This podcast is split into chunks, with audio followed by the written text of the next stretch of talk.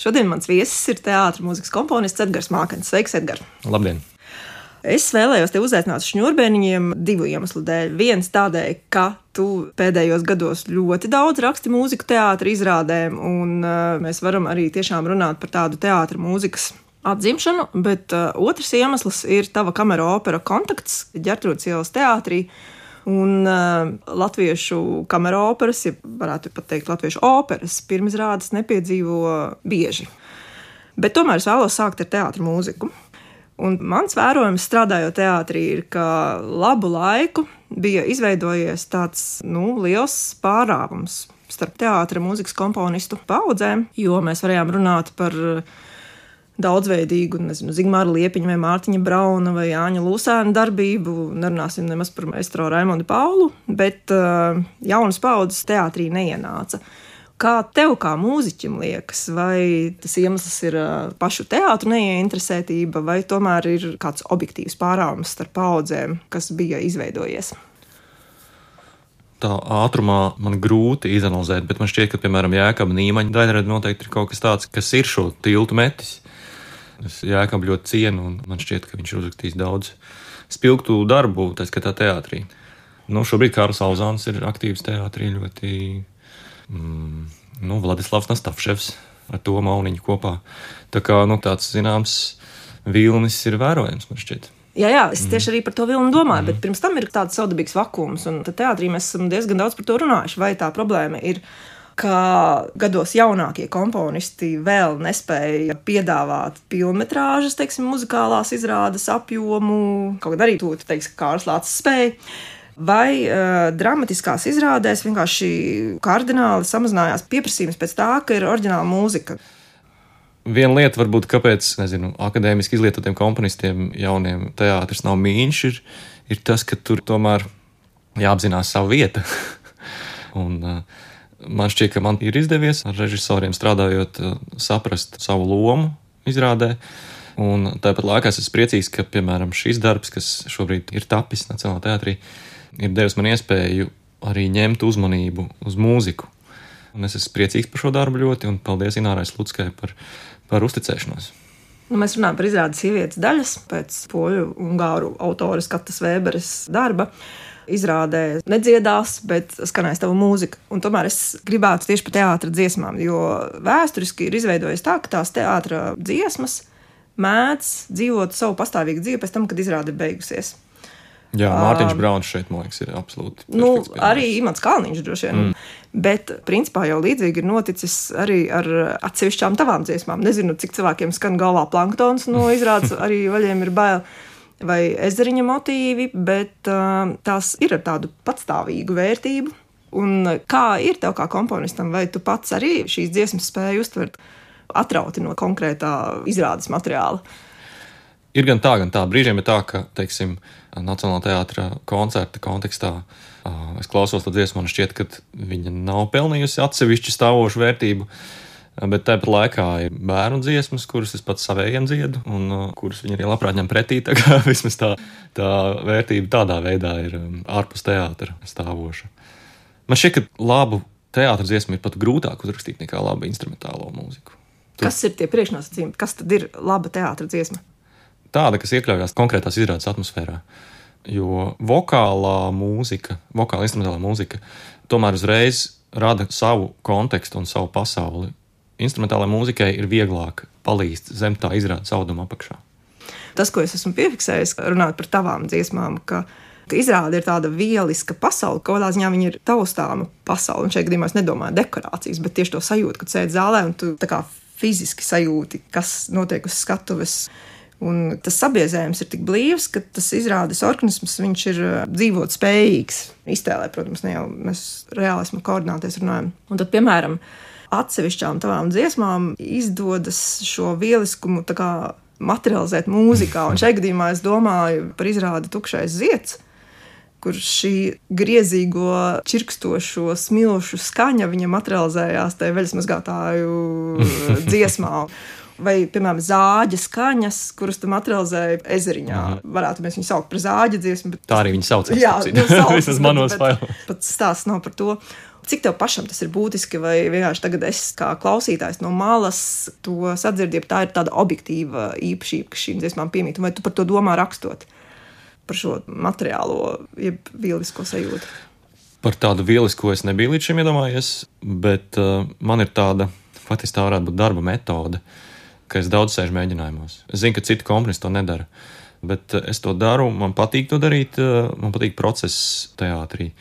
Un līdz ar to, esot daudz klāt šajā vidē un esot ar šiem cilvēkiem, kas atveido tēlus, kaut kas jau pielīp. es ļoti iedzīvojos tajā kontekstā, kuram es rakstu. Bet tu jau iedzīvojies vairākos tēlos, ja asociējies jau ar konkrētu vienu. Kā nu kurā izrādē, atkarīgs kā mūzika skatās uz to izrādi. Piemēram, piemēram Antigonē visa tā plinkšķīgā mūzika, viņa rakstīta tā kā no Antigonas nedzimušā bērna perspektīvas. Tāda bija tā mana doma. Es domāju par kaut kādu tēlu, kas pat nav nemaz lugā iekšā, bet kaut kas, par ko galvenā varone ir sapņojusi un domājusi, bet tas nav noticis. Tāpēc, ka viņi ir tādi, kādi viņi ir. Bet no Antigonai jau ir 8 vai 9 gadi. Daudz, ja tā padomā. Un tad otra tēma, par ko es domāju, tavu teātris dziesmu sakarā, ir, ka tajās ļoti bieži tu raksti pats savus vārdus kas tas ir par tādu komponista nu, izaicinājumu vai aicinājumu būt pašam arī vārdu autoram, ņemot vērā, ka izrādes tekstu ir sacerējis kāds cits. Un, jā, tie ir arī klasiski teksti, bet tie ir arī mūsdienu teksti. Tad, kāpēc ne pats Lugas autors, kāpēc tu Vai tev liekas, ka tas ir visprecīzākais, un cits nevarēs to sabalansēt vai sabalsot, bet nu, ir arī tomēr uh, dziesmas ar nu, nezinu, to pašu Lorkas dēļu? Ir dažādi. Man šķiet, ka piemēram tādā izrādē kā par tēviem, kur materiāls top uz vietas un no aktieru un režisoru pieredzes, tur pilnīgi dabiski, ka es sēžot blakus un piezīmējot viņu interesantākās domas vai interesantākās atmiņas, izveidoju kaut kādu teksta fragmentu, kas ir saistīts tieši ar šo pieredzi. Līdz ar to, ja būtu jāņem teksta autors no malas, viņam būtu vēl caur manu prizmu tas jāskatās. Bet tā arī var būt vienkārši. Man šķiet, ka tajā brīdī izdevās uzkāpt uz kopīgas noskaņas, līdz ar to šie teksti arī nāca pilnīgi dabiski. Nu, tur varbūt sarkangalvītē, tur bērnu izrādē, tur nav tādas lodziņas tieši uz teksta satura. Bet uh, tādās nopietnās izrādēs es pats neesmu rakstījis. Bet es arī nē. Ezeriņā tur tāds maziņš viens bija posms. Bet Nē, ir divi, divi bija. Bet tāds, kas iesēž. Tāpēc... Grūts jautājums jā. uzdodat. es cerēju, tā parunāšu viegli, bet man reālā uz galvu. Nē, nu, faktiski šis jautājums ieslēpj sevi eh, pavisam citu vēl jautājumu. Vai tev ir dzinieka aicinājums un ambīcijas? Nē. Tā ir tāda apstākļu sakritība. Tīri muzikāli es nāku no tās tradīcijas, kas izaug no 90. un 2000. gadu tā saucamā underground. Uh, kas bija tas mūzikas slānis, kas attīstījās paralēli estrādē. Un tajā tradīcijā es to tā varu nosaukt, kur ietilpst grupas hospitāla iela un bērnības milicija un balošu pilnu pagāmi. Tā bija absolūti normāla lieta, rakstīt pašam savus tekstus, un pat faktiski es esmu sastapies ar tādu viedokli, ka rakstīt ar citu autoru tekstiem tas nav īsti ka tikai tu pats rakstot savu tekstu, vari saslēgt to kopā ar mūziku tik labi, lai izveidotos viens veselums. Lai nu kā, es to esmu darījis pirms tam, un kaut kas man šķiet ir sanācis. Un man šķiet, ka tiem tekstiem varbūt ar vienu vai diviem atsevišķiem izņēmumiem ir izdevies saslēgties mūziku, bet viņi nav, viņi nav atsevišķi stāvoša vērtība. Es par to domāju arī tādā sakrībā, ka līdz ar to tavi teksti un šādi tavā balsī izrādē, ka tu pats arī kļūsti par aktieri nu, tā tāds cilvēks orķestris. Ne tikai atceri mūziku, ne tikai atceri vārdus. Mēs dzirdam arī tavu balsi. Un, principā, tu līdz ar to kļūsti par uh, dalībnieku. Pilnvērtīgu dalībnieku un patiesībā varbūt ar uh, sarežģītāku vai vismaz daudzpusīgāku uzdevumu kā dažam labam aktierim uz skatuves. Vai tu par to esi domājis, ka tu, teiksim, it kā pakļaudamies izrādes kopnoskaņai, vai kā tu tikko pats arī teici, zinādams savu vietu, principā šo vietu, nu, tā tieši vai netieši, bet arī iekaro un paņem. Kur tie režisori skatās? bet uh, mēs runājam vienreiz ar Jēkabu Nīmanu arī par to. Viņš sacīja, ka, ka pat kaut kādās vienkāršās lietās, kur jānospēlē ir kaut kāda vienkārša ģitāras notis, un ir baigā atšķirība reizēm. Pat kaut vai ļoti labs ģitārists paņem tavas notis, nospēlē, un neskan tā, kā tev gribās. Un ar vokālu ir vēl trakāk ka tiešām tu esi iztēlojies kaut kā to izteiksmi, kā tam būtu jāskan, un iedod citam. Un, kaut kas nav. Varbūt tas ir pat profesionālāk vai kā, bet kaut kas tādā izteiksmē un atmosfērā un noskaņā vārdos neizsakāmi neslēdzās. Nu, redzi, bet vai tu esi domājis par to, ka tā varētu teikt arī Rasu Bugāča pēce, piemēram, vai Jānis Ezeriņš, ja viņš būtu mm. starp mums? Tas ir tāds jautājums, nu, kurā brīdī tu to savu darbu palaid no sevis prom un ļauj viņam dzīvot pašam. Tas nāk, ka būtībā tu diezgan lielā mērā vēlies pieskatīt. Grūti pateikt, kā dramaturgiem ir. Gunārs Priedes jau teicis pēc pirmizrādēm, nu, ka var arī tā, kas ir ļoti stoicisks skatījums uz lietām. Bet varbūt man arī jāieņem turpmāk šāds skatījums, un tomēr jādod vairāk citiem cilvēkiem. Izpildīt manu darbu, ko es arī daru, piemēram, šajā kamerā operā savā. Un tas ir viens no tiem kolektīvo mākslu spožumiem un postiem, ka top kaut kas vairāk nekā tu jebkad būtu varējis radīt. Un posts ir tas, ka tas nekad nav tāds, kā tu perfekti viņu iztēlojies. Tad ir jautājums arī ņemot vērā, ka tas notiek tepat šeit un tagad, Ģerbsūdas ielas teātrī, sadarbībā ar režisoru Ināšu Lutskaru, kuru tu strādā kopā ne pirmo reizi. Kur tad ir tā iespēja arī ietekmēt pašam to savu darbu, kā tas izskatīsies uz skatuves? Par kontaktu runājot, eh, mums bija ļoti laba sadarbība. Es rakstot, ja man kaut kur aizķērās, un es ilgāku laiku kādā vietā iesēdos, tad visdrīzāk man nebija skaidrs, kā tas varētu izskatīties uz skatuves tīri vizuāli. Un, kad es sapratu to, kā tas varētu vismaz vienā variantā būt, tad kaut kas atkal sāka virzīties uz priekšu. Protams, Ināra un Krišna nāca ar savu skatījumu, un tas ir labi. Viņi izdomāja lietas, kuras es nevarētu būt iztēlojies. Um, Mēs runājam par mākslinieku Krišu Salmaniem. Jā, visi tie skatuviskie risinājumi ir, ir ļoti radoši, īpaši ņemot vērā to mazo formātu. Bet mazais formāts, starp citu, arī man pašam bija viens no mērķiem. Man lielās operas mērogs uh, reizēm atgrūž. Un man bija interesanti patīties, vai opera var strādāt mazā formātā un tādā cilvēciskā, divu cilvēku sarunas līmenī. Tas bija viens no personīgiem uzdevumiem. Bet runājot par kontaktu, es gribu mazliet arī par tiem pirmsākumiem. Vēl liekas, pajautāt, jo tomēr tā bija kultūra kapitāla fonda atbalstīta mērķprogramma muzikālā teātra attīstībai. Vai atsevišķi teātri vispār var atļauties kaut ko tādu izdarīt, un vai šis it kā šķietami racionālais impulss ir būtisks, lai taptu mākslas darbs. Respektīvi, ja nebūtu šīs mērķprogrammas, vai tu būtu rakstījis kameru operu, ja kaut kas tāds taptu, nu nezinu, kā mācību procesa noslēguma darbs muzikas akadēmijā? Es domāju, ka jā. Bet katrā ziņā šīs programmas izziņošana bija impulss uzreiz sākt rosīties. Un uh, rosībai arī rezultāts, un paldies Mājai Palovai, ka viņa to ideju piekrita paņemt un attīstīt. Un, kādā ziņā ar Sergeju Timofejevu, kas ir libertātors, mums bija ļoti interesants arī visas tās dramaturgiskās schēmas veidošana. Es tik dziļi agrāk nebiju iesaistījies šādā procesā. Un, un uh, tas vispār tik īpatnēji, ka brīžiem lasot tekstu, tu viņam iztēlojies vienu noskaņu un raksti mūziku, domājot par to. bet, uh, bet ieraugot tēlus dzīvē un mūziku dzīvē, pēkšņi tā noskaņa kaut kur nobīdās, un tas kļūst par kaut kādu nedaudz citu zemtekstu. Un, uh, tas ir mans personīgais spriedums par operas mākslu, ka tā ir kaut kādā ziņā zemtekstu māksla. Kā tu proti ar mūziku piešķirt tieši pareizos zemtekstus. Un tas ir ļoti, ļoti piņķerīgi un neparedzami brīžiem.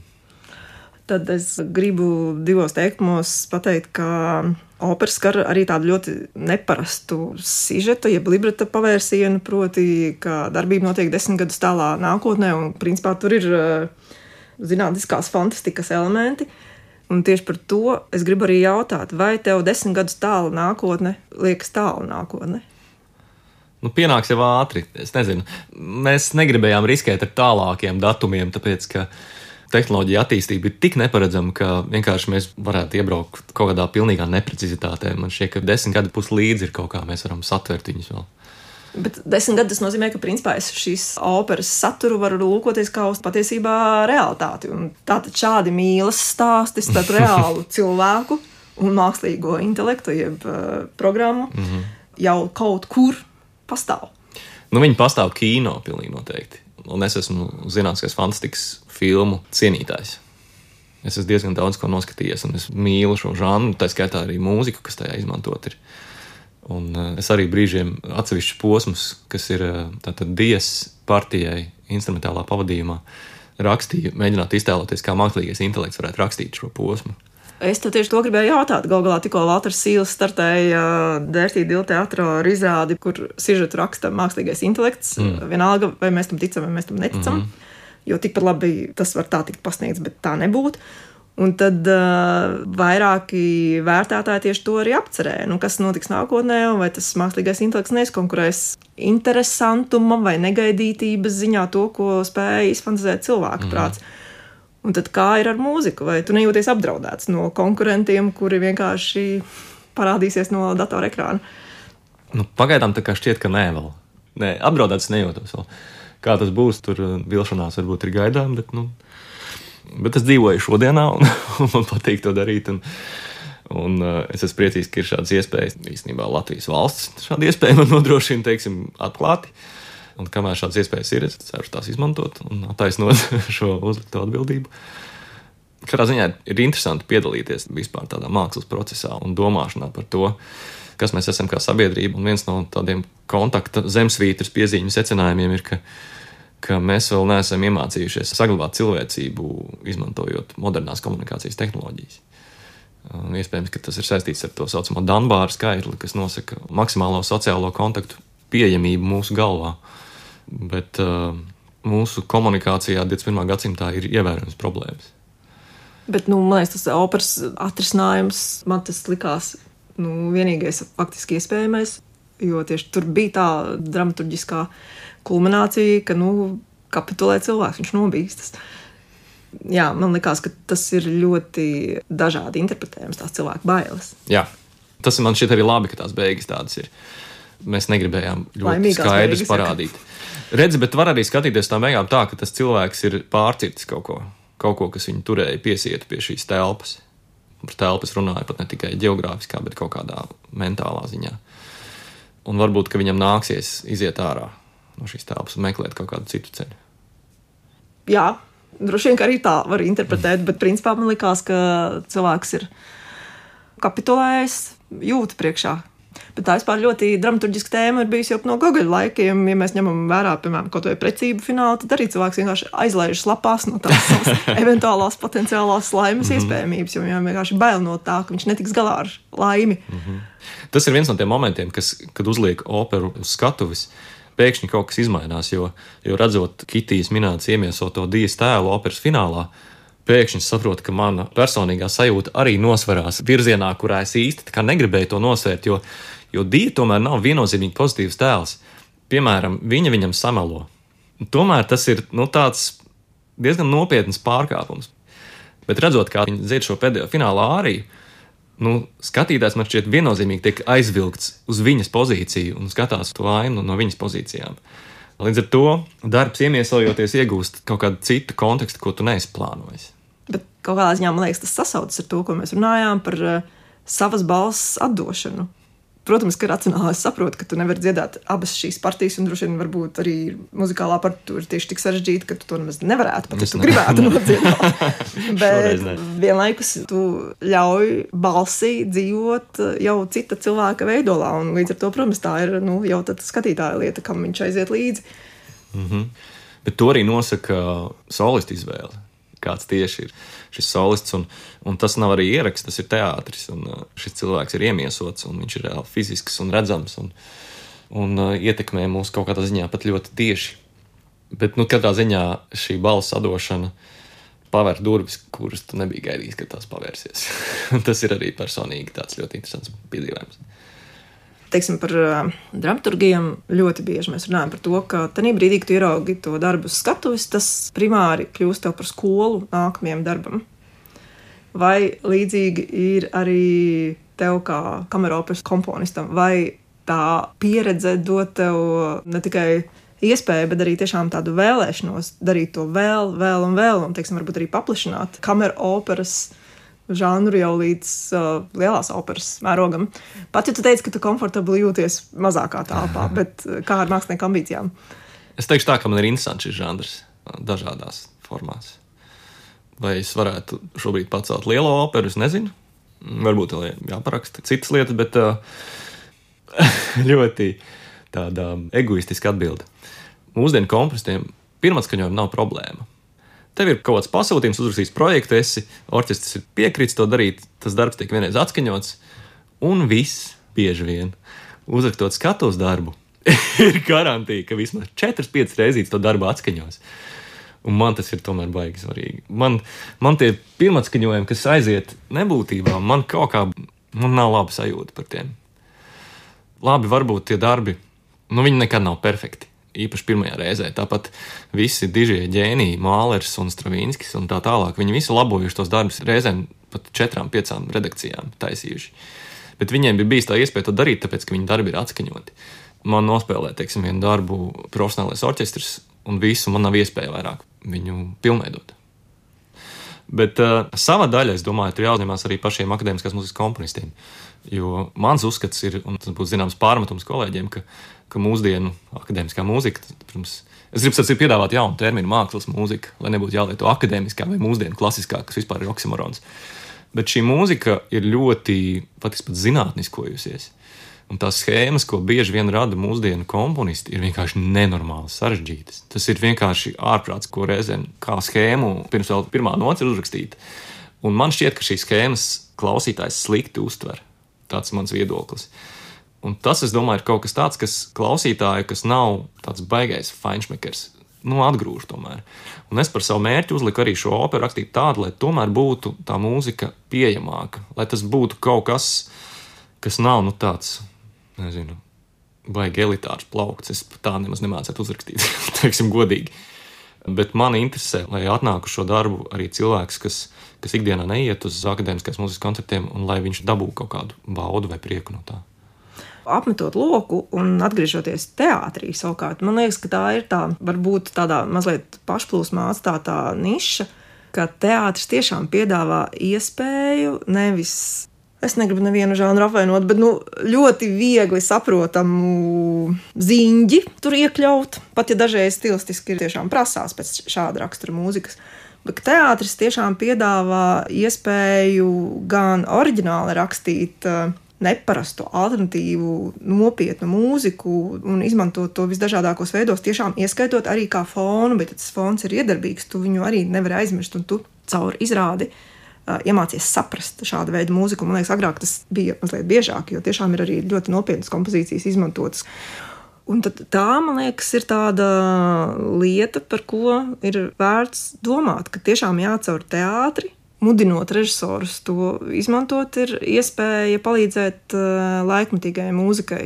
Jo man tiešām liekas, ka to pārāvumu izveidoja ka tur nav vainīgi komponisti, ka, nezinu, vainīgi tas nav arī droši vien īstais vārds, bet tur ir vainīgs laikmatīgā teātra principi vai stili, ka tev vispār nu, nevajag mūziku, tev nevajag fonu, tu vienkārši strādā klusumā. Ar tekstu vai ar kopradītu tekstu, bet uh, tai muzikai ir ļoti, ļoti, ļoti, ļoti margināla loma. Arī tādēļ izveidojas šis pārtraukums, ka mēs neaicinām teātrim speciāli rakstīt mūziku. Un, Sekas bija tās, ka līdz ar to mazliet degradējās tā teātris mūzika. Viņa kļuva aizvien vienkāršāka, ziņģiskāka un uh, vienkāršoti melodiskāka. Un, un vai, tas, vai tas nav saistīts nu, ar postdramatikas uzvaras gājienu? Es par to arī domāju, jā, ka tas Džilindžeram, piemēram, nu, Džilindžers neizmantot mm. laikmatīgo mūziku izrādēs. Neizmantoja. Tur viņš vairs... strādāja kopā ar Andriu Vilcānu. Tā atkal kā nedrīkstētu to pārmest. Ah, Bet, protams, labi. ka viņš izmanto ļoti daudz citātus no viskā cita, kas jā. ir uh, populārā mūzika. Jā. Bet, starp citu, viens komunists, kas pārmet šo tiltu, noteikti ir Maskats mm. kas rakstīja gan tajā laikā, gan joprojām to dara. Es, starp citu, pašu iedomājos sievietes daļu kontekstā, ka es vēl, man šeit nekad neesmu rakstījis tik ļoti ekspresīvu mūziku teātrim, kas tomēr pieprasa tādu uzmanību brīžiem. Un, uh, man tas šķiet attaisnot pilnīgi šajā gadījumā, īpaši ņemot vērā, kāda ir teātris estetika un kas ir saturs. Tā kā jā, tev ir zināma taisnība, ka to var darīt un to varbūt pat vajag darīt. Jā. Un nobeidzot, es zinu, ka tu strādā pie mūzikas, izrādē grīmi, un visticamāk, mērķa auditorija būs gados jaunāki skatītāji. Nevar zināt. Jā, jā tāpēc saku visticamāk, mm -hmm. bet nevar zināt. Vai tu mazliet varētu ieskicēt šo izrādi, kas top liepājas teātrim un atkal sadarbībā ar Elmāru Seņkovu, kas ir tavs pastāvīgais ceļu biedrs mākslā, un kas no tevis tiek gaidīts tur? Es godīgi pateikšu, es nezinu, cik daudz es varu atklāt. Man tur būtu režisori jāparunā. Bet, eh, Mazdrusku. Bet katrā ziņā tās būs vairākas grīma pasakas, un tā būs ļoti ekspresīva teātris estētika. Un man jau stīvas kājas ir no manas atbildības šajā izrādē. Man vēl stāv priekšā saruna ar teātra direktoru par to, ko mēs tur varēsim atļauties. Bet katrā ziņā man šķiet, ka tā izrāde, nu, tā kā viņa šobrīd zīmējās, nu, viņa būs spilgta izrāde. Viņa turpinās zināmā mērā arī Seņkova un Sahānova Šekspīra līniju savā estētikā. Nu, tad, lai sajauktu visas kārtas, tev pašķiet, kas tev kā pieaugušam cilvēkam no grima pasakām patīk vislabāk? Es nezinu. Bet ko tu šobrīd lasītu, ja tev būtu jāizvēlas viena, nezinu, bērniem saviem? Zini, es šobrīd ar lielu prieku lasu viņiem Salsvārnu, Sals vasarniekus. Linrēnas humors ir nu, šajā grāmatā man šķiet vienkārši brīnišķīgs. Un viss tā tēla struktūra, kas ir uzbūvēta, un tā skaitā tie mazie bērni, kas tur uz tā salas dzīvo, nu, viņi ir vienkārši brīnišķīgi. Un tie piedzīvojumi, kuriem viņiem cauri, tas ir nu, tik ļoti cilvēcīgi un skaisti vienlaicīgi. Tā kā es ieteiktu kādam režisoram pastīties stingrāk šī darba pusi. Es tev varētu piekrist, bet varbūt tā ir tāda mūsu paudzes jūsma. Varbūt mazajiem jauniešiem tās digitālās tehnoloģijas ir tuvākas nekā viens īsts Sanbernārs, kurš nes avīzi. Nu, es varu pateikt, ka manas meitas ļoti ir interesantas klausās manu priekšlasījumu lomās. Izdomā katram savu balsi un tad lasa tēlos. Un tad brīžiem secina, ka tur kaut kas pat interesants tev veidojās pašam galvā no tā, ko tas uzkonstruējas tajā tēla struktūrā. Bet, zini, suns uz skatuves, tas tik labi strādā Klaipēdas teātrī ar Elmāra um, dzinējiem, kur Elmārs izmantoja divus neatļauts paņēmienus, bērnus un sunu uz skatuves. Bet tā suņa uzmanība uz skatuves ir joprojām kaut kas tāds, uz ko tu nokoncentrējies absolūti un uh, kas paņem uzmanību. Tad, principā, tu komponētu salsvārnas salsas. Oh, jā. Šis apliecinošā nots, tad mēs arī sarunu beigsim. Mans sarunu biedrs Šņurbēniņos šodien bija teātris komponists Edgars Mākens, ar viņu sarunājās Ieva Struka, raidījuma producente Sandriņa Tvecka. Paldies!